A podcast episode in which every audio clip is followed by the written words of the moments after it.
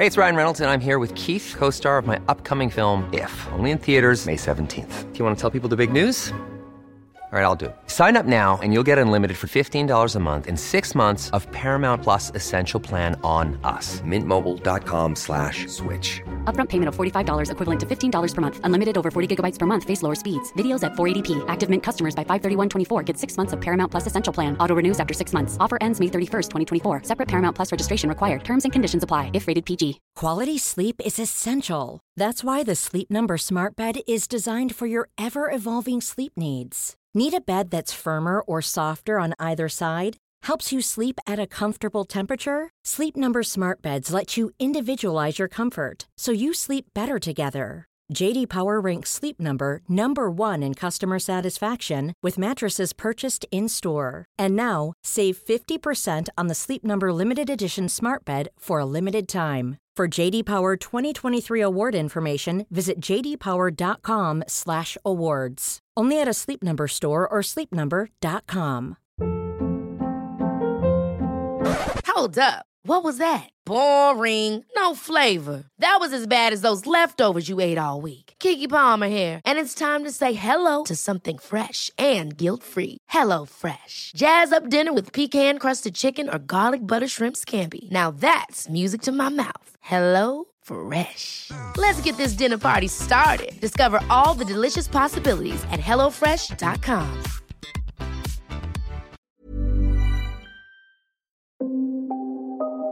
Du lyssnar på LaxTon-podden. Spökjakt på riktigt. Mitt namn är Tony Martinsson. Och jag heter Niklas Laksonen. Tillsammans driver vi Sveriges främsta paranormala utredningsteam. LaxTon Ghost Sweden. Välkommen tillbaka till ett nytt avsnitt eh, LaxTon-podden Spökjakt på riktigt med eh, mig Tony Martinsson. Mig Niklas Laksonen. Yes, och eh, vi får väl börja tacka om förra veckan eh, alla fina kommentarer och all eftersnack som är i spökjakt och eftersnacksgruppen på Facebook. Ja herregud. Skitbra. Och det är det jag tycker är kul. Historien fortsätter. Vi tar upp ett ämne och den bara blir som, vad ska man säga, snöbollseffekten. Ja det bara fortsätter, det blir bara ringar på vatten. Ja. Snöbollen blir bara större och större. Det blir lavin av en snöboll. Eh, den lilla blir stor. The black is the new orange. Ja, ni förstår säkert vad vi menar. Eh, Men som sagt, tusen tack för att ni delar med er av era upplevelser och fortsätter diskutera i den här gruppen. Vi har ju sagt att vi alltid ska prata om lite allt möjligt i den här eh, podden. Allt från eh, himmel till jord tror jag har sagt Niklas någon gång. ja, mellan himmel och jord. Så kanske det var, mellan himmel och jord ja. Och idag ska vi ta upp ett ämne som både är ja, men lite läskigt kanske men fascinerar väldigt, väldigt många och det är stort, stort intresse kring det här. Ja absolut. Jag tror de flesta på något sätt har faktiskt sett det här. Tror du det? Ja jag tror faktiskt det. Jag tror det är mer folk som har sett det än vad de säger, äh, än vad det finns statistik över. Det är jag nästan helt hundra på. Så kan det ju säkert vara. Och är det så att ni faktiskt har varit med om det här som vi ska prata om idag så ja men ta gärna och fortsätt diskutera det på uh, vår Facebookgrupp då. Men vad är då dagens ämne? Jo, vi ställde också en fråga på våra sociala medier om det är så att man har sett ett UFO, alltså ett oidentifierat flygande objekt. Jajamän. Och det kom in en hel del. Och det här är ju som sagt ett ämne som eh, fascinerar många och som eh, tror jag jäckat många ändå där ute. Just det här att är vi ensamma i universum? Man säger ju det att eh, lika många sandkorn som det finns här på jorden, så många galaxer finns där ute. Det låter ju helt orimligt men tydligen så är det så för man vet ju inte riktigt hur många galaxer som finns. Nej men det, jag, jag, jag kommer ihåg en grej här. Nu ska jag inte hoppa in i något ämne bara, men jag kommer ihåg när vi stod uppe i Borgvattnet. Man ser hela himlen. Du ser nästan alltså, vad ska man säga, Vintergatan. Mm. Det är så jävla vackert och då du tittar upp där så, nej, vi kan inte vara själv. Ja tänk dig, det, det är bara det vi ser Ja. eh, lilla Borgvattnet då där uppe och det vi lyckas se på våran sida av alltså norra halvklotet. Tänk då, ja, det är så mycket som finns längre ner, södra halvklotet men sen sånt som ögat inte ser. Ja nej, alltså det, det är svårt att greppa men när man tittar väl upp, när man har den här perfekta himlakroppen med alla stjärnorna, du ser Vintergatan och du inser bara att shit, vi är ju bara ett litet sandkorn egentligen. Ja men det är ju det. Alltså det är det som är så jäkla häftigt att om man tänker våran galax är ändå ganska stor men att det finns alltså lika många galaxer som det finns sandkorn. Ja det, är ju, det går inte att ta in, det är ju för stort. Nej. Och då är frågan, alltså är vi ensamma? Det är det alltså, Alltså det är, jag tänker vi ska gå in på vad vi tror. Eh, eller vad, vad du och jag tror, kanske separat också. Nej, ja, nej, men vi tar det så här, alltså grejen är ju egentligen så här, ufon är ju ett, ett speciellt område. Det, vi kanske aldrig har fokuserat på det på det sättet, men det ligger också där i- bredvid det paranormala på ett sätt. Ja.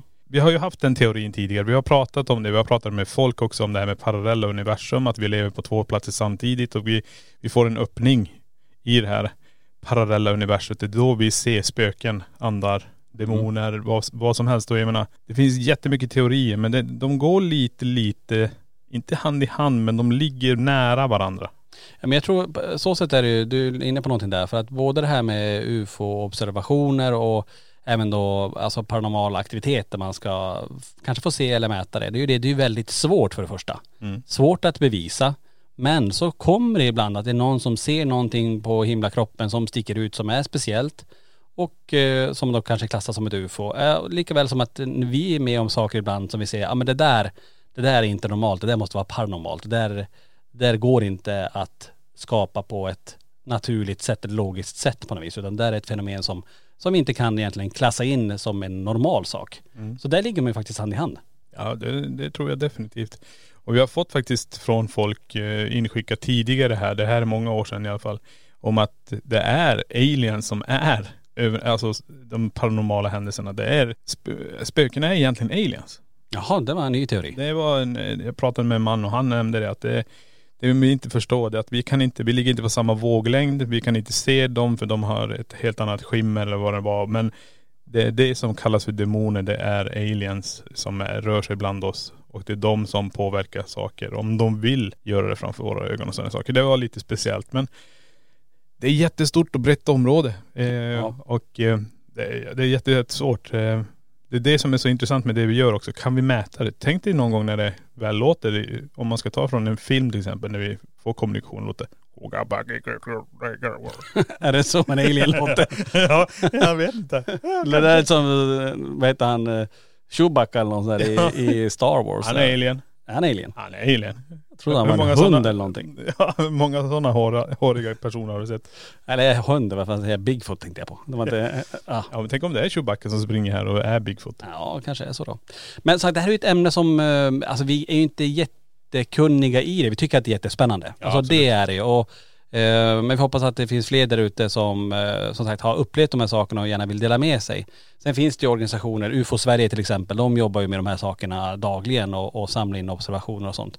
Som är väldigt kunniga i området. Ja nej men precis, jag, jag, är, jag är fascinerad av området. Jag har följt det med ufon och sånt också samtidigt som jag har följt det här med övernaturligt. Både parallellt, ja, men jag följer ju också kryptozoologi, jag följer allting och jag tycker det är så fascinerande hela det här området. Men det är det som är grejen. Vi har ju snöat in oss på de övernaturliga fenomenen som händer med eh, spöken, andar och demoner. Det var kul, jag snöade in oss. Jag tänkte direkt på Norrland, det var, en parallell där. Ja, I precis. Kiruna, det är tre meter snö, vi snöade in oss i ämnet där. Nej men det är det också, vet du varför det har blivit så? Det är ju för att vi själva har upplevt det. Ja men så är det ju. Det är det som har gjort också att vi är starka i det området. Men i ufon och så här, jag, jag, jag vet inte. Har du sett någonting? Ja, jag tänkte komma till det faktiskt. Men jag tänkte innan där, du sa en bra grej där, exakt som att eh, det här med att snöa in oss eller att det är ju det, det, i och med att vi upplevde de här paranormala fenomenen när vi var små så är det jättestarka avtryck och intryck för oss. Mm. Likväl som att om vi hade sett ett ufo eller något som svävar alltså upp i luften och, och det är ju ett väldigt starkt intryck, då är det klart att det hade också fascinerat oss. Och då kom jag direkt över där du frågar så här om jag har varit med om någonting och det har jag faktiskt, tror jag. Ja. Och det är kanske därför jag har det här intresset också. För att eh, då får jag nog gå tillbaka lite grann i tiden. För jag tror att det är, jag måste vara 9-10 år och det här är alltså 89-90. Då får ni reda på hur gammal jag är. Dessutom nu. 25. Ja, 25. Bra, bra, bra. gick bra jag viskar så. Ja. Nej men det här var som sagt, jag tror det slutet på 80, början på 90-talet där och då är jag tillsammans med eh, mina kusiner och min morbror uppe i Stenbacken och ni som inte vet vad det är, det är från Kiruna och upp mot eh, Narvik och efter den här det vi kallar för Norgevägen så finns det en sträcka som kallas för Stenbacken. Det är väldigt många åker dit med skoter och man åker dit med sådana här arkar. Nu tänker ni vad är arkar för någonting? Ja men det är sånt man kan, det är så små hus som man Små husvagnar egentligen som du drar ut med skoten. ja, på isen och så kan du bara lyfta på en liten lucka i golvet så kan du ligga där och pimpla eh, isfiske eh, och sådär. Och då ligger man ju på Torneträsk. Och, Inte, inte pimpla öl. Ja, kan man också göra. Eh, Men eh, i det här fallet så fiskade vi faktiskt efter röding då. Men så att vi låg och sov och den här arken, den var, just nu var den placerad på land och jag vaknar upp på natten för det är så jäkla varmt i den här arken. Jag, jag ligger i en sån här våningssäng. Så jag går upp, för jag tänker, för det är lite ljust ändå. Det är det som är lite kon- konstigt med det hela. Men det måste ha varit något eh, månsken, alltså någonting som gjorde ändå att jag gick upp. För det var inte jättemörkt minns jag, men jag minns bara den här värmen att jag måste gå ut härifrån för det är så himla varmt. Och jag tänkte det måste vara morgon snart för det börjar, det börjar som ljusna. Så då tar jag och eh, smyger mig ut där, jag är själv och tar med mitt pimpelspö och mitt liggunderlag och så går jag ner till, till Torneträsk då där vi har vårat färdiga hål då för, för, för att kunna fiska då. Och när jag ligger där på mage och fiskar, jag får ingen fisk, jag ser lite grann i det här hålet eh, när jag tittar ner, men då tittar jag också upp över horisonten. Och när jag då ligger, och då tittar jag ska jag säga åt Kiruna-hållet om man säger så då, när man ligger, alltså till, till höger om man, om man nu ska tänka så. Eller väderstreck, vad blir det för väderstreck? Ja det vet jag inte ens. Men eh, om man tänker att Norgevägen gick parallellt, så till vänster då hamnar du i Norge. Ja. Och eh, tittar du åt höger då, ja men då borde det ju bli öst, söder, öster, jag vet inte. österut blir det ju då. För Ja. vä- västerut var ju Norge, ja precis, österut blir det då. Mot horisonten i alla fall. Och hur som där så ser jag hur någonting starkt, alltså det ser ut som en raket. Men det är jäkligt starkt som är på väg uppåt i himlen. Och jag ser att det åker uppåt och att det är ett ljussken efter det som bara stiger rakt, rakt upp. Precis som en raketuppskjutning. Och när jag tänkte efteråt, för när jag, var, när jag låg där tänkte jag på, ja ah, de skjuter upp någonting från S-range, den här Kiruna, eh, ja men där man skjuter upp raketer utanför Kiruna. Men det är ju klart, det ju- var ju ganska, alltså vad kan vi prata, det måste ha varit nästan en 8, 9, 10 mil kanske. Och det kanske man ser ändå, men ändå jag tyckte det var så, min första tanke var bara, ja men det där är en raketuppskjutning. Men nu i efterhand tänker jag så här, fasen undrar om det var det. För det var så himla starkt ljus som åkte rakt upp med väldig hastighet. Men var det någon eh, slags rök efter? Nej inte vad jag kommer ihåg, jag kommer ihåg bara det här ljusskenet som att det, som att det brann. Och åkte rakt upp. Inte att det var en soluppgång eller att det var en stjärna som föll ner utan det här åkte upp från horisonten och rakt upp. Gick det fort? Nej, Nej. Det gjorde det inte. Men det kan ju ha varit att solen låg på, säg att det var en raket. Du säger logiska grejer. Ja, Du har solen som ligger eh, mot den och då, blir, då skiner ju den eh, raketen väldigt, väldigt kraftigt. ja metallen menar du? Metallen ja, Ja. som speglas mot dig. Så du kanske Ja. låg så här perfekt, du fick en bra reflek- reflektion mot dig. Kanske. Men det var så himla långt bort och så, men ändå att det var, det, var, det, det är så här ett avtryck som ändå var, som jag då viftade bort med att ja men det måste vara raketuppskjutning. Men så nu i efterhand när jag tänker efter hur det såg ut, tänkte jag undrar om det var det. Nej, det är, Men det är riktigt häftigt. men det är det som det, det är det det kallas. För dig blev det ett oidentifierat flygande objekt. Ja, Som du inte kunde.. i alla fall nu Ja, ja. kan jag tänka så. ja.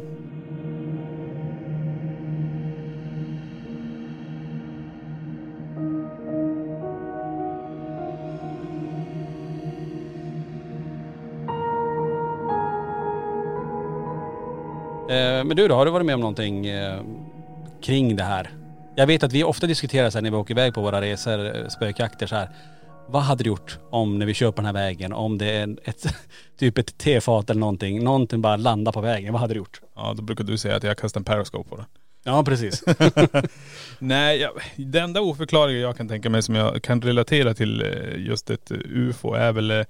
Jag kommer ihåg jag var också uppe i Kiruna faktiskt. Jag och en, en annan kompis, det är vinter. Vi jobbar för Kiruna kommun och vi ska åka ner till återvinningen och göra något jobb. Och vi åker efter Kurravaravägen tror jag det är, den gamla Kurravaravägen. Ner mot eh, den här återvinningsstationen. Och det, det är ju vinter, jag vet, inte, för det var inte ljust ute i alla fall på morgonen. Så vi är någonstans i kanske i januari, februari i alla fall. För det är kallt också. Mycket snö. Men när vi åker där så sitter kompisen kör ju, jag sitter bredvid och jag tittar ut genom fönstret in i skogen så här. Och då ser jag ett ljusklot. Mhm. Alltså ett ljusklot som ser ut som en, vad ska man säga, en lampa. En sån här rund vit lampa som du kan ha hängandes i, i taket. Den är kanske 20 till 30 centimeter, sån här glaskula typ. Som, som glöder så här. vad var det för sken då? Var det vitt eller gult eller blått eller? Det var så här blått, blåvit var den. Mhm. Den ligger nästan som i snön. Så jag, vi, vi kommer kanske in, jag vet inte vad det är, om det är 70 där, så han kör säkert 80 eller någonting. Så jag säger, fan stanna bilen, stanna bilen säger jag. Och backar tillbaka.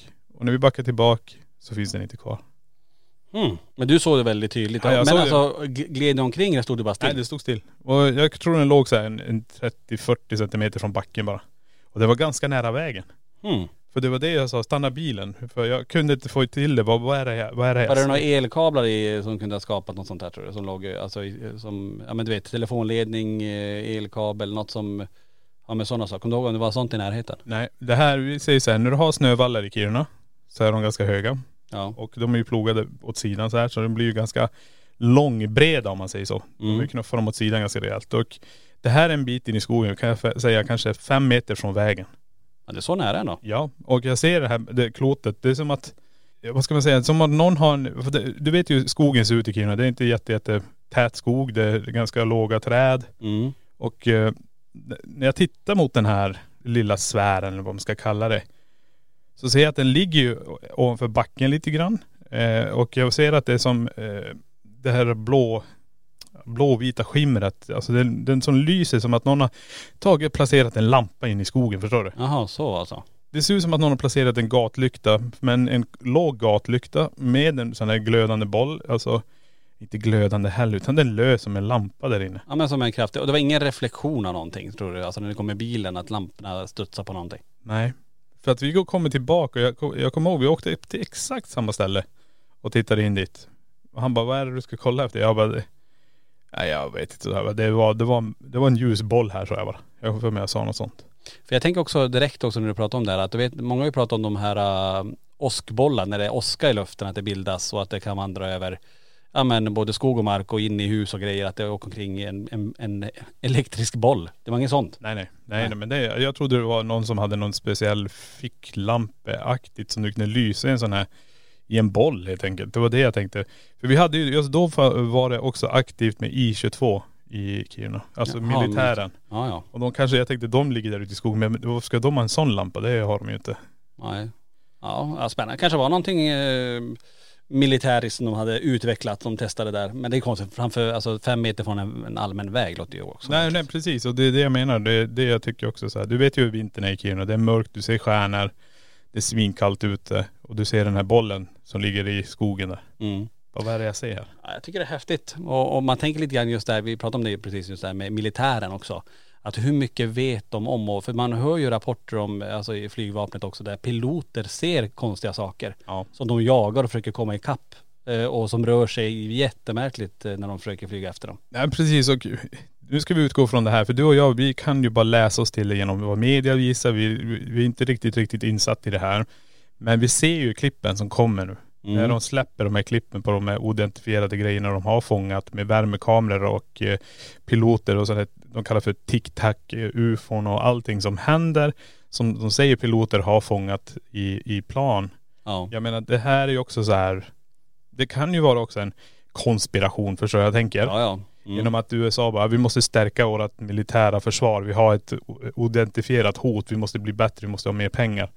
Kan finnas en sån teori bakom det också. Men vi ser ju de här klippen. Vi får den här förklaringen. Men vi är inte riktigt djupt indykt på det. Men det är väldigt intressant att det dyker upp. Att en försvarsmakt eh, skickar ut de här fil, eh, filmerna och visar det här finns i våra himlavalv om man säger så. Mm. Och de rör sig kring just när det är militären. Ja. För går man långt tillbaka så har vi ju också saker som Area 51 Ja just det. och eh, när de också höll på, om det var kalla kriget tror jag det var, så var det ju också mycket sådana ufo-observationer vid de här kärnvapendepåerna där de hade raketer. Just det. Vi säger om aliens eller ufon eller vad de har, de måste ju ha en intelligens som är utöver vad vi har. Mm. Om de kan röra sig i de här hastigheterna. För vi kan ju inte röra oss i de här hastigheterna. Vi blir bara mos om vi skulle röra oss i de här hastigheterna, de farkosterna far. Mm. Men det är det också. Är det ett, det här ljuset, den här bollen, är det den som är alien egentligen? Det sitter ingen i det utan det är där, den, den där bollen som är, Ja just det. Ja det är ju också en teori i och för sig. som är intelligensen.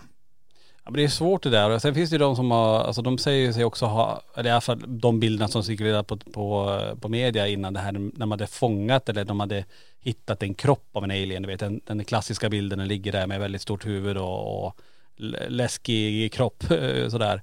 Och det är frågan också, alltså är det en äkta eller inte? Ingen aning. Men eh, det är ju verkligen det här eh, att det har fascinerat och att det, jag tror att många vet och jag tror många säkert inom Försvarsmakten också och eh, inom kanske den amerikanska Försvarsmakten också känner till mycket och inte berättar allt. För tänk också om det hade kommit fram att det här faktiskt existerar. Vad hade hänt med Planet Earth? Alltså vad hade hänt med oss? Men det är ungefär likadant vad det vi håller på med också.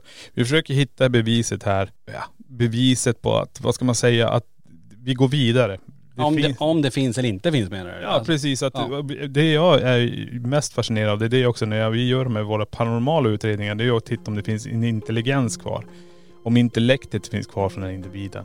Mm. Eh, eller stannar man upp i en loop? Är det din energi som cirkulerar i en loop här? Finns det fortfarande tankar, känslor och allt det här? Det är det jag är intresserad av och eh, finna med det vi gör också. Ja.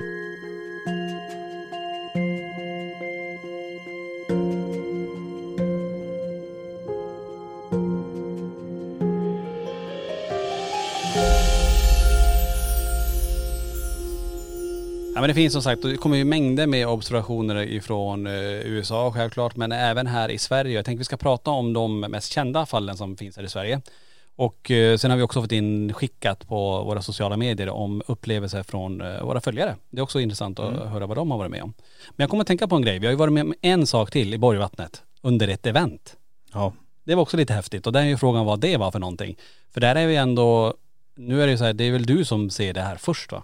Nej precis, vi har ju ett event och jag, är ju- jag brukar alltid, när jag har eventen så är jag uppe i vandrarhemmet med deltagarna och du är nere i prästgården. Och det är en viss höjdskillnad mellan de här eh, husen. Alltså du ligger lägre ner mot Borgvattnet, jag ligger högre upp i Borgvattnet. Så jag har ju lite bättre, om jag ställer mig högst upp i huset i vandrarhemmet och tittar ut så ser jag lite bättre än vad du ser, mest träd egentligen. Ja. Eh, och jag ser lite ovanför träden. Och det här är ju rätt intressant. För när vi står där eh, allihopa, vi har lite kommunikation och allting. Men då vänder jag också och tittar ut genom fönstret. Och då ser jag hela horisonten glödar. Pulserande. Så här. Ja just det. Så här riktigt så här ufo-känsla. det var lite grönaktigt sken för Ja. du, du ropade ju till mig. Nej precis, jag har tagit walkie-talkien och jag ropade dig. Kolla ut, eh, rakt ut genom fönstret eh, vid dörren och kolla om du ser att det glöder ovanför trädtopparna. Och du kollar ut och du ser också det va? Ja. Ja. Vi alla ser det, vi är ju ändå 12 personer. Ja. Så vi alla går ju ut och, och jag sa någonstans där, herregud nu, nu vart inte det här någon paranormal undersökning, nu går vi på så här ufo alienjakt här nu istället. Precis.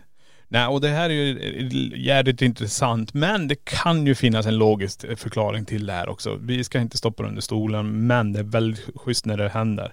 Och den logiska förklaringen är ju alla de här äh, vindkraftverken. Alla de här vindkraftverken har ju lampor som pulserar.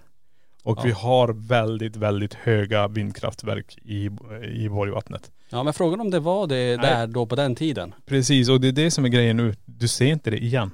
Du kan Nej. inte se det. Du, du hade sett det hela tiden. För jag hade en åtanke i huvudet också att så här, ligger en väg där borta tänkte jag. Ja. Där ljusen ska trafikeras om. Att du, du ska följa lamporna och då, då, puls, då rinner ju lamporna som en ljuseffekt så här, följ den här lampan dit bort. Mm. Men eh, det, det här återspelades aldrig en gång till. Jag har aldrig sett det. Nej vi har ju bara sett det en enda gång den gången. Det är det som Ja. gör det så jäkla häftigt. Sen vet man ju inte, visst det kan ju finnas en log- logisk förklaring till det men det var ändå, tyckte jag, superspännande. Och vi var många som såg det också. Ja nej, precis. Och det, jag, jag lägger en logisk förklaring på det också. Det, det kan ha varit de höga vindkraftverken som finns där. Men då borde vi ha sett det fler gånger. Mm. Det Eller, eller om det var någon form av skogsmaskin mitt i natten. Ja, som var alltså, ute och, men- och hade en sån konstig lampa. Ja men då är det inte en. Nej jag du vet. kan inte få en halva horisonten, eller med hela horisonten som vi såg, pulsera i ett och samma ljus. Nej det är sant. Den Ja. är, det, så långt bort som det var, det, det, det finns inte. För då hade du en del av skogen hållit på. Mm. Här var det ju hela.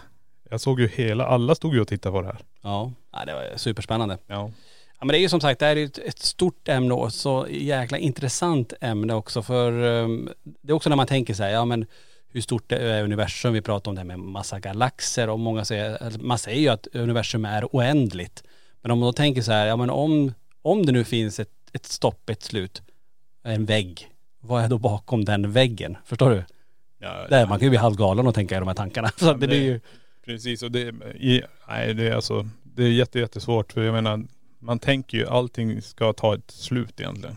Det är en vägg här och vad är bakom den väggen, vad är bakom den väggen. Men det är Ja, som- när, när man säger att allting är oändligt, det är det som blir så här, Ja. det blir för, hjärnan är inte eh, programmerad att kunna, kunna ta in det tror jag. Nej absolut inte. Absolut inte.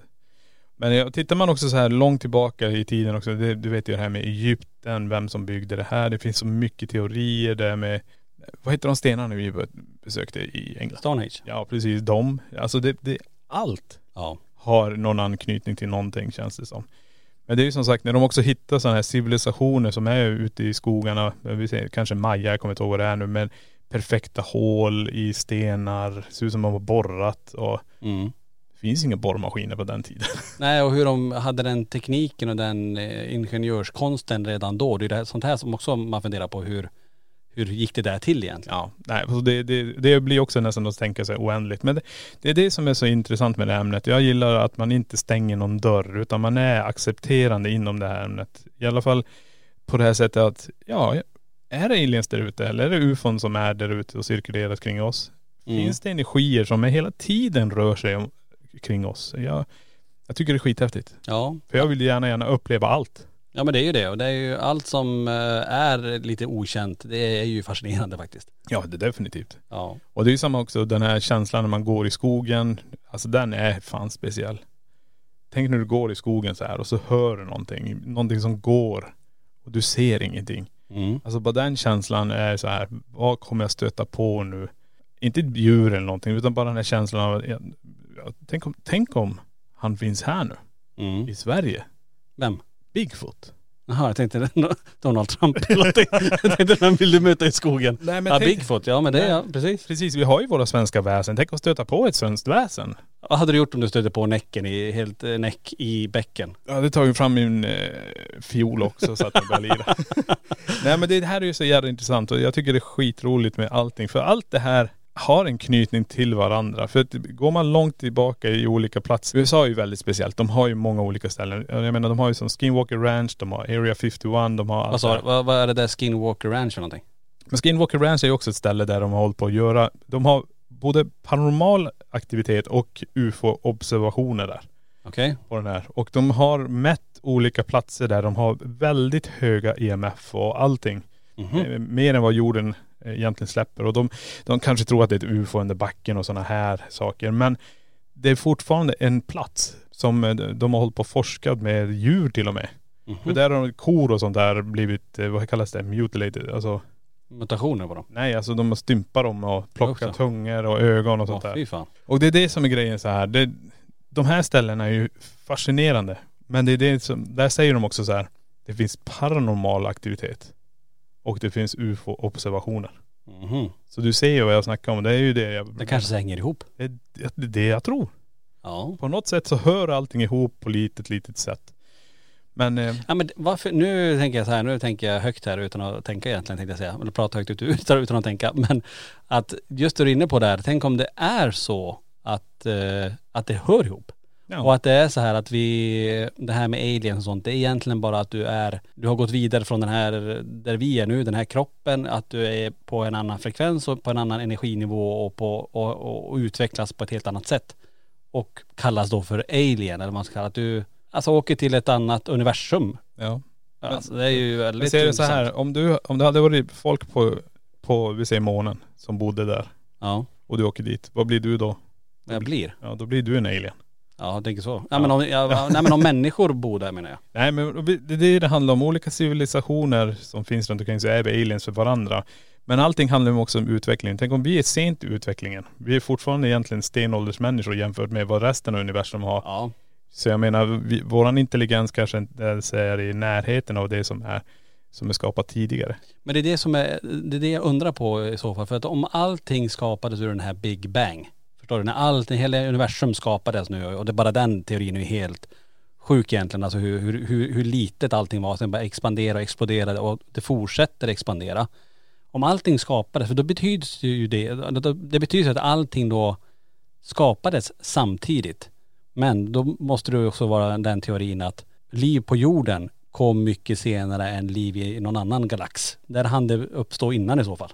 Ja. Det, Eller liv eller vad man nu ska kalla det. Det som eh, rör sig där ute i så fall. Nej precis och det är det jag tror också så tittar man ur det aspekten genom att någonting skapade någonting och eh, vi är kanske väldigt långt i listan som inte är färdigutvecklade. Förstår du vad jag menar? Mm. Vi, vi, våran intelligens är i närheten av det som redan finns där ute. Och så tittar man på de här, för det är bara att kolla på YouTube. Visst det är mycket sådana här fake-klipp och allting men någon av dem borde ju vara riktig egentligen. Med Ja. de här ljusbollar som dyker upp i formationer och bryter isär och, och jag menar, är det det som är alien? Det här lilla klotet? Ja. Ja det är häftigt. Ja.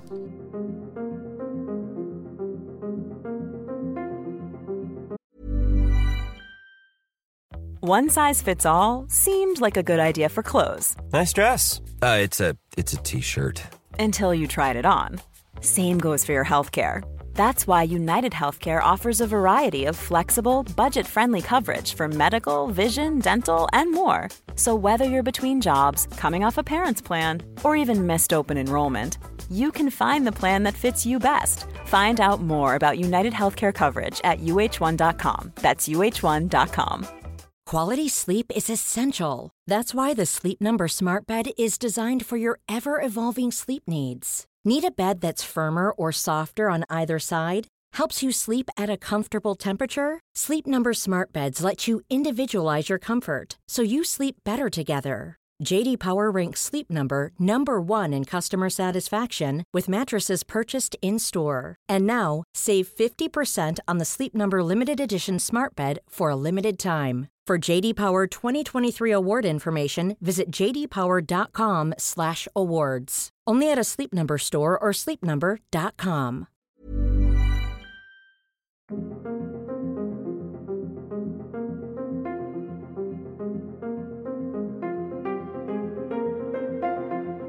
Jag tänker så också, här i Sverige så har vi ju observerat väldigt mycket och det finns ju, tycker jag, ett fall som sticker ut. Eller ett fall, det var kanske var flera olika fall. Men det här det man kallar för spökraketerna. Ja just det. Har du hört talas om dem? Mm, ja, lite grann har jag hört talas om dem.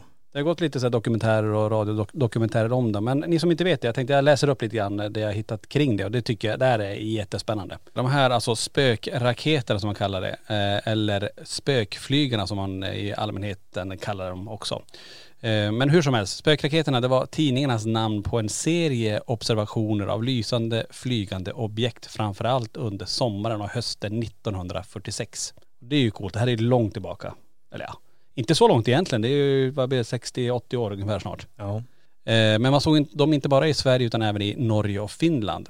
Och eh, kulmen på det här det var den 11 augusti 1946 för då kom det in över 300 rapporter om observationer. Och det var då också man skapade den här rymdprojektkommittén.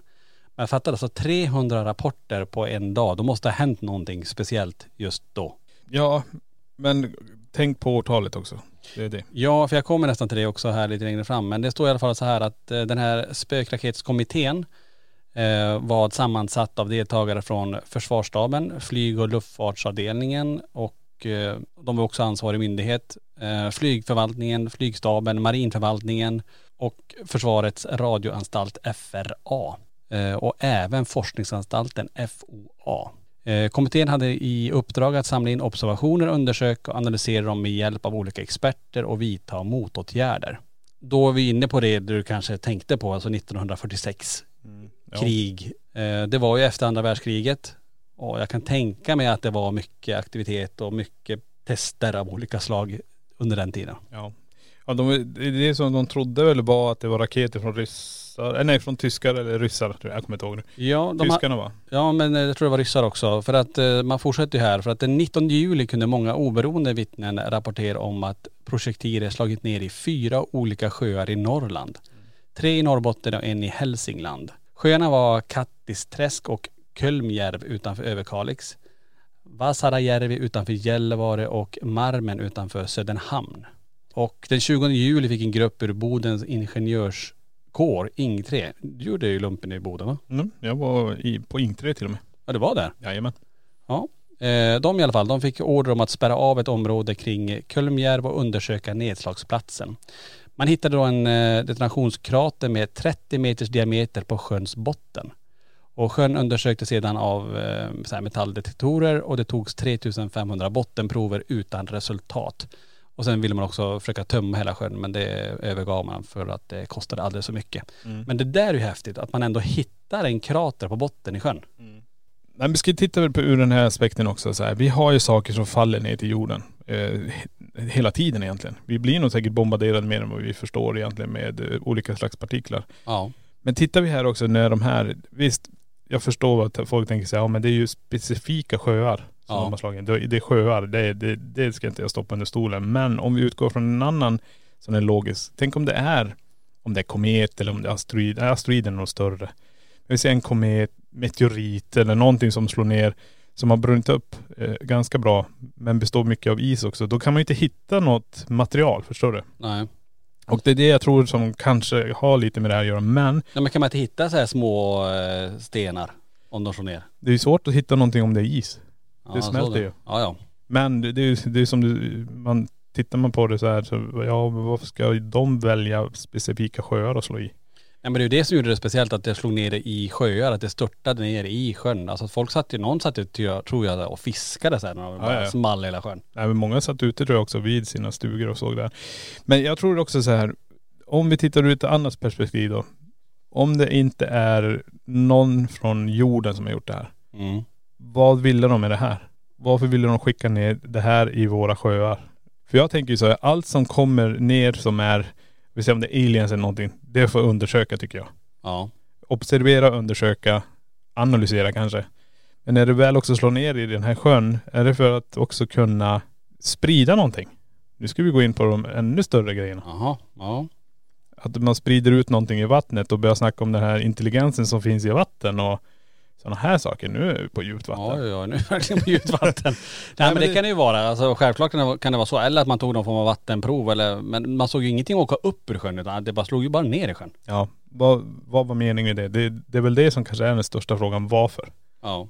Tycker jag i alla fall. För det, jag tycker det vi gör också när vi gör våra paranormala utredningar, vi undersöker ju. Eller hur? Ja. ja. Vi försöker titta på varför har vi ett högt EMF här? Finns det något logiskt? Nej det finns inte. Och så försvinner det och helt plötsligt kan vi kommunicera med det EMFet. Och det är ju intressant. Mm.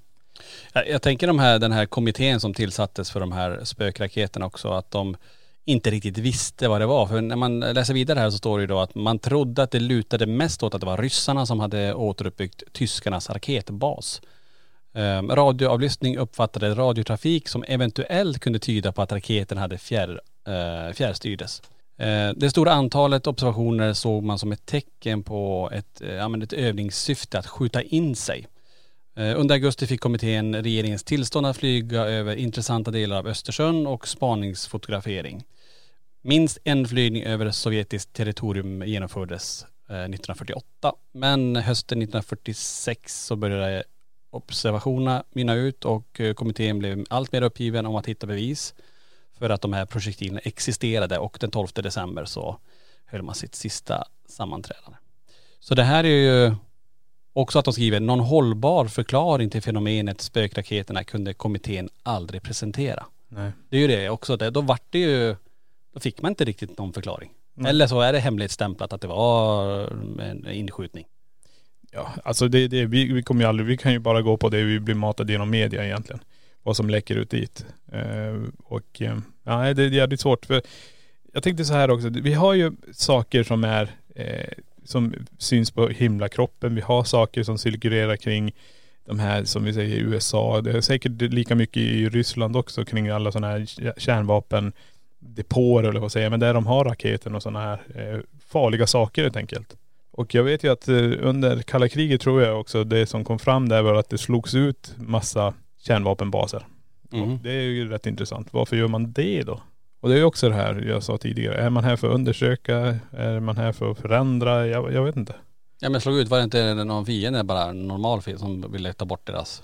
Men det, det som också är ganska intressant med det här undersökandet som UFON gör, det, det finns något slags eh, film som de snackar om. Jag har inte sett den själv men de har återskapat den och gjort sådana här lite hur det var i alla fall. Det, de sitter och filmar med en höghastighetskamera tror jag det är, långt upp i himlen och eh, då släpper den här toppen på kärnvapenraketen som ska då detonera eller vad det är. Någon sån, vad kallas det, warhead. Mm. Men den i alla fall. Och då är det ett, då är det ett ufo som cirkulerar kring den här. Skickar ut en någon slags stråle som de filmar. Det, det, Någon laserstråle Ja, typ. någon laserstråle på den. Och sen börjar den bara vibrera i luften och så snurrar den ner till jorden och inte kan göra någonting. Mhm. Men det är ju också sånt här. Det, jag har sett den filmen, jag har bara sett att folk pratar om det. Det är ganska intressant. Men de kan alltså oskadliggöra saker som är, vad ska man säga, dödliga. Ja, ja. Är de här för att hålla reda på att vi, nej men hallå nu, nu börjar det gå lite för långt här. Mm. Att de vill på något vis ändå behålla mänskligheten som vi inte utplånar oss själva menar du? Nej, och då går vi in på nästa teori. Är vi hitplanterade? Ja. Ja det är en annan teori det. Ja. Vi, du, vi kanske är aliens då helt, helt enkelt. det är det jag säger. Ja. alltså det, det finns jättemycket teorier kring allting men det är som i det hela stora är det här med ufon, övernaturliga fenomen, eh, konstiga djur i haven, eh, eh, konstiga djur i himlen, Mm. djur i skogen. Allt, allt det här. Hör det ihop allt det här? Ja, kanske. Ja. Ja det är häftigt. Hi, I'm Daniel, founder of Pretty Litter. Cats and cat owners deserve better than any old fashioned litter. That's why I teamed up with scientists and veterinarians to create Pretty Litter. Its innovative crystal formula has superior odor control and weighs up to 80% less than clay litter. Pretty Litter even monitors health by changing colors to help detect early signs of potential illness. It's the world's smartest kitty litter. Go to prettylitter.com and use code ACAST for 20% off your first order and a free cat toy. Terms and conditions apply. See site for details. Hold up. What was that? Boring. No flavor. That was as bad as those leftovers you ate all week. Kiki Palmer here, and it's time to say hello to something fresh and guilt-free. Hello Fresh. Jazz up dinner with pecan-crusted chicken or garlic butter shrimp scampi. Now that's music to my mouth. Hello Fresh. Let's get this dinner party started. Discover all the delicious possibilities at hellofresh.com. Hey, it's Paige DeSorbo from Giggly Squad. High quality fashion without the price tag. Say hello to Quince. I'm snagging high-end essentials like cozy cashmere sweaters, sleek leather jackets, fine jewelry, and so much more. With Quince being 50 to 80% less than similar brands.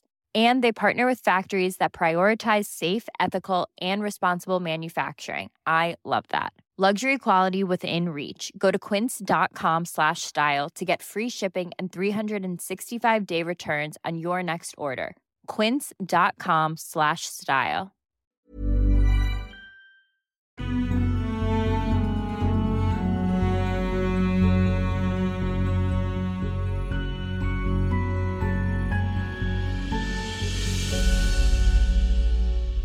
När man läser vidare lite grann här också. 2019 så rapporterades det in 237 iakttagelser till eh, UFO Sverige och eh, då bedömdes 140 av dem eh, som identifierade eller IFO, Identify Flying Objects. Det är ganska coolt ändå att det var ganska många ändå som bedömdes som identifierade ändå.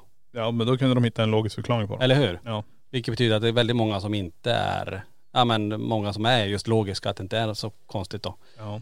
Men sen är det svårt också när det är på avstånd när man ser någonting eller om man, alltså med atmosfäriska förändringar, alltså att det kan ändras i luften när det gäller, ja men du vet om molnformationer, solen, hur den reflekteras. Alltså det är mycket sånt här som kan förvirra en också. Ja definitivt. Det är bara, vi kommer ju från Kiruna, du vet ju bara hur det ser ut när det är norrsken. Ja.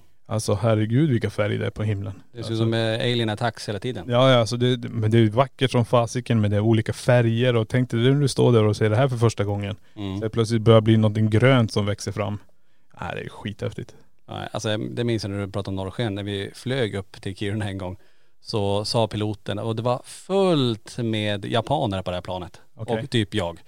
Eh, och då säger piloten, ja men om ni tittar ut till höger så är det jättevackert norrsken. Och jag ser alla som satt på vänstersidan tilta över till det där planet tänkte jag, nu jäklar. För, och då sa faktiskt piloten och flygvärdinnan att man fick gå över, en, ja, alla kunde inte springa samtidigt. Nej. Men väldigt många var på väg över. Och jag tänkte nu börjar vi rotera lite grann. Ja det, är- det är inte ett tåg ni åker på utan det, det är ett flyg och så allting måste ju ha sin balans i det också för att det ska kunna flyga. Ja men det var ju så häftigt, de hade aldrig upplevt det här. De var ju på väg upp till ishotellet säkert. Ja just det. Ja men det är häftigt. Eh, vi bad ju er också skicka in eh, om ni har upplevt någonting och vi fick ju in en hel del och jag ska läsa upp några av dem också. Det här är alltid intressant att se vad ni har upplevt. Här har vi en som skriver att eh, när jag var i tioårsåldern så såg vi ett mystiskt fenomen på himlen en sen sommarkväll. Vi var ute på landet vid vår sjö, ett tiotal personer såg samma sak. Ett starkt fast sken likt en stjärna på himlen som helt plötsligt rörde sig åt sidan, stannade upp och sen försvann rakt upp i den svarta himlen. Inget flygplan eller liknande. Det där påminner lite grann om det jag såg faktiskt. Ja. När jag läser det. Fast den rör sig inte i sidled. Nej inte sidled men att den åkte bara- rakt upp. Ja. Det var ju hur, häftigt. hur mycket ljus hade du då? Ja den, det var ju.. Nej men alltså i himla, himlavalvet. Nej men det var som, du vet, eh, när solen är på väg upp, den är en blå himmel. Ja just det. Och så var det här, det som brann då. Ja. Ehm, här har vi en annan som skriver att i slutet av 90-talet så bodde jag i Tenhult. Eller Tenhult, jag vet inte hur man säger. Tenhult måste det vara. Eh, klockan är strax efter sju på morgonen. Jag står och väntar på bussen som skulle gå tio över sju. Det är en solig morgon, inte ett moln på himlen. Jag ser då ett objekt. Den har platt undersida och en överdel, eh, överdelen är rund. Tänk en halv boll, silverfärgad, rör sig mot Malmebäck. Det är också intressant för då har jag faktiskt sett ett objekt som flyger. Tänk om man hade kunnat fota det där. Ja. Vilket årtal var det? Eh, slutet på 90-talet. Ja det, jag menar, då hade vi inte de avancerade kamerorna på mobilerna som vi har nu. Nej. Så nej, det hade varit riktigt coolt. Um, läser en annan som eh, vi fick in ifrån, eh, som någon skickade in, jag vet inte om de har fått det, det är en observation från nätet tror jag. Eh, då berättar ett par att de satt i sin bubbelpool när de klockan 22 fick se ett triangelformat föremål som färdades rakt emot dem i hög hastighet. Föremålet var enligt paret försett med blinkande lampor undertill och stannade till en kort stund ovanför dem och sen försvann det igen. Mm. Det är ju också så här, Ja det där tror jag har hört tidigare. Det, eller sett om inte annat. I Ja. sån här ufo-show. Det, det är det här också. Har du tänkt på det? Varför ska ett ufo ha blinkande lampor? mm, Jag menar de, det spelar väl ingen roll. Det är vi som har det på våra för att vi ska inte kollidera med varandra. Vi ska visa att vi finns på himlen. ja, Och det är väl det jag tänker så här också. En ufo till exempel. Om de har den intelligensen så varför ska de då helt plötsligt då lysa och ha sig? Jag, jag vet inte. nej det är ju frågan. För jag kan tänka mig också så här med, vi har ju många incidenter som finns men vi snackar om de här triangelformade ufona med de här tre punkterna i varje hörn. Eh, det, jag tycker det är häftigt när, om de snackar att det kommer in. En del har ju sett, i USA vet jag att de snackar alltså the mothership om man säger så. Mhm. Lika stor som en fotbollsplan, om inte större, eh, som svävar omför dem helt ljudlöst. Men det jag tycker är rätt intressant när du får en formation av olika ljuspunkter som kommer in som en triangel och sen bryter de upp och sticker åt olika håll. Mm. Det är lite annorlunda tycker jag. Det är coolt faktiskt. Ja det tycker jag. Jag har en till grej här, eh, en som skickade in och då skriver personen så här. Jag satt själv en kväll och kollade på tv och hade tre stora fönster mot en äng med en liten kulle med lite skog på. Min antenn var lite dålig så signalen dog, inget konstigt inte jag. Tänker ta telefonen men batteriet är dött.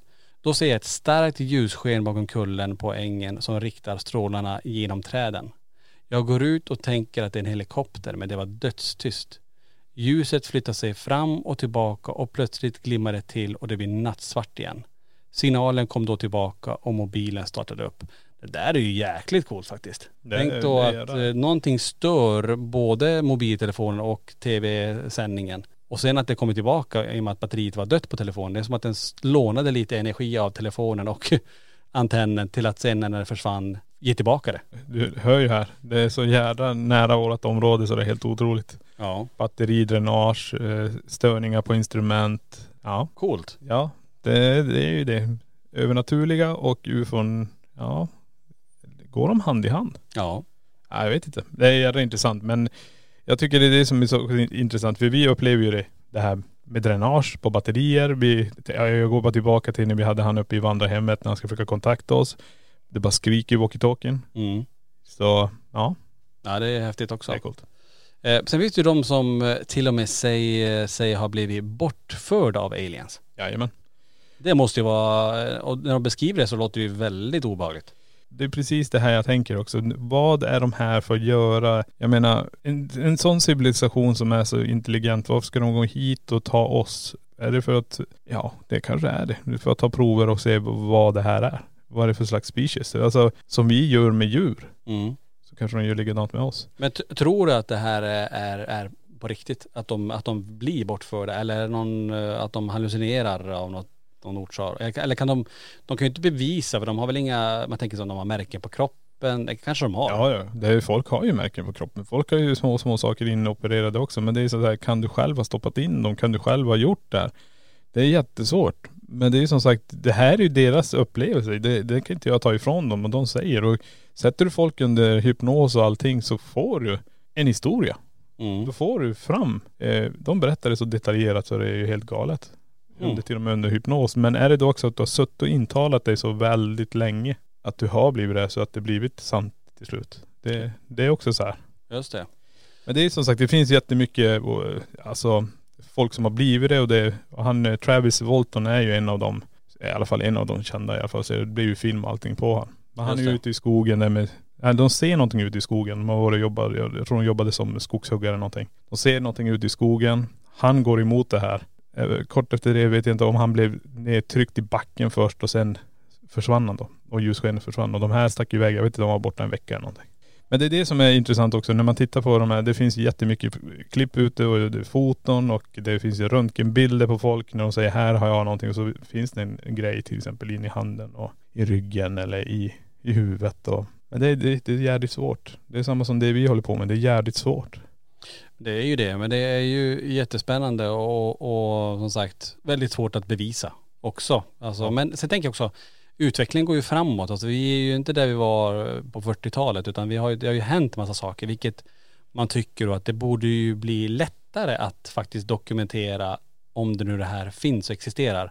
Allt som händer tänker jag. Ja. Men då, då återgår jag fortfarande tillbaka till det vi gör också. Ja, det är sant. Direkt du sätter ut en övervakningskamera, då lugnar sig aktiviteten ner. Har du Ja. tänkt på det? Ja, Tar du bort den, då drar allting igång. ja, Så det är det jag fortfarande är inne på. Är, finns det intelligens bakom det vi letar och är intelligensen är ju mycket större på den ufo-fronten. Men det är det jag tror också så här, om man tittar på helheten här, vad, vad gemensamma nämnaren är, det är ju någonting som inte går att förklara heller. Du ser föremålet som ett fysiskt objekt i himlen. mm, Och så tar du en person som vi pratar om det med det övernaturliga. De bara, ja, jag såg fysiskt en person som gick rakt genom väggen. ja, Men det här har aldrig blivit dokumenterat i alla fall på det sättet inom det paranormala, att man ser det här. Ufon, ja det kan ju vara också, men det är ju som sagt det är mycket inspelningar på nätet där folk är så duktiga. För du behöver inte något avancerat program för att göra en ufo, ett ufo-klipp egentligen. Nej. Men där tänker jag också, där, där finns det ju nu i alla fall väldigt alltså kompetenta personer som jobbar med att analysera bilder och sånt. Eh, likväl som när vi gör spöken på bilder, att man ändå, man grottar ner sig ännu mer och man, man känner till dem i kännetecknen. Ja men det här är ett, ett fejkat eller stageat, eh, en video eller en bild och sådär. Ja, nej, absolut. Så att, eh, ja. Nej men det är ju ett eh, intressant ämne. Ja, men det, det, tänk på det här också bara. Alla kameror och mobiler blir bara bättre och bättre med bild. Stabilisator, jättebra zoom, de kan gå lägre ner i, i lumen för att filma och allting. Så vem Mm. vet, vi kommer nog fånga det förr eller senare, både det övernaturliga och eh, ufon på, på en jättebra upplösning och jättebra video. Mm. Oftast de ufo-filmer som finns är ju att kameran skakar ju. Ja Det precis. ju det, det är aldrig still utan det är, Och så väldigt inzoomat. ja. Det är väl, ja men det är, det är klart, de vill ju också, när du står där så vill du ju zooma in och titta. Ja det är klart. Jag menar den kamera jag har nu, min mobil, den har 100 gånger zoom. Ja. Och försök ligga still med den. För jag låg en gång, kommer jag ihåg, på en badplats och då såg jag ett plan uppe på himlen. Okej. Drog på 100 gånger zoom. Det var inte lätt att försöka zooma in där och hålla det i bild. Nej det är klart. Du, för du behöver ju ha stativ till det. Mm. Men det är som sagt, i, jag tror det är Australien också, där de ligger ner på så här öppna fält eh, på vissa ställen och har laserpekare. Mhm. Och eh, lyser med dem i himlen. Så kan det dyka upp eh, ljusbollar.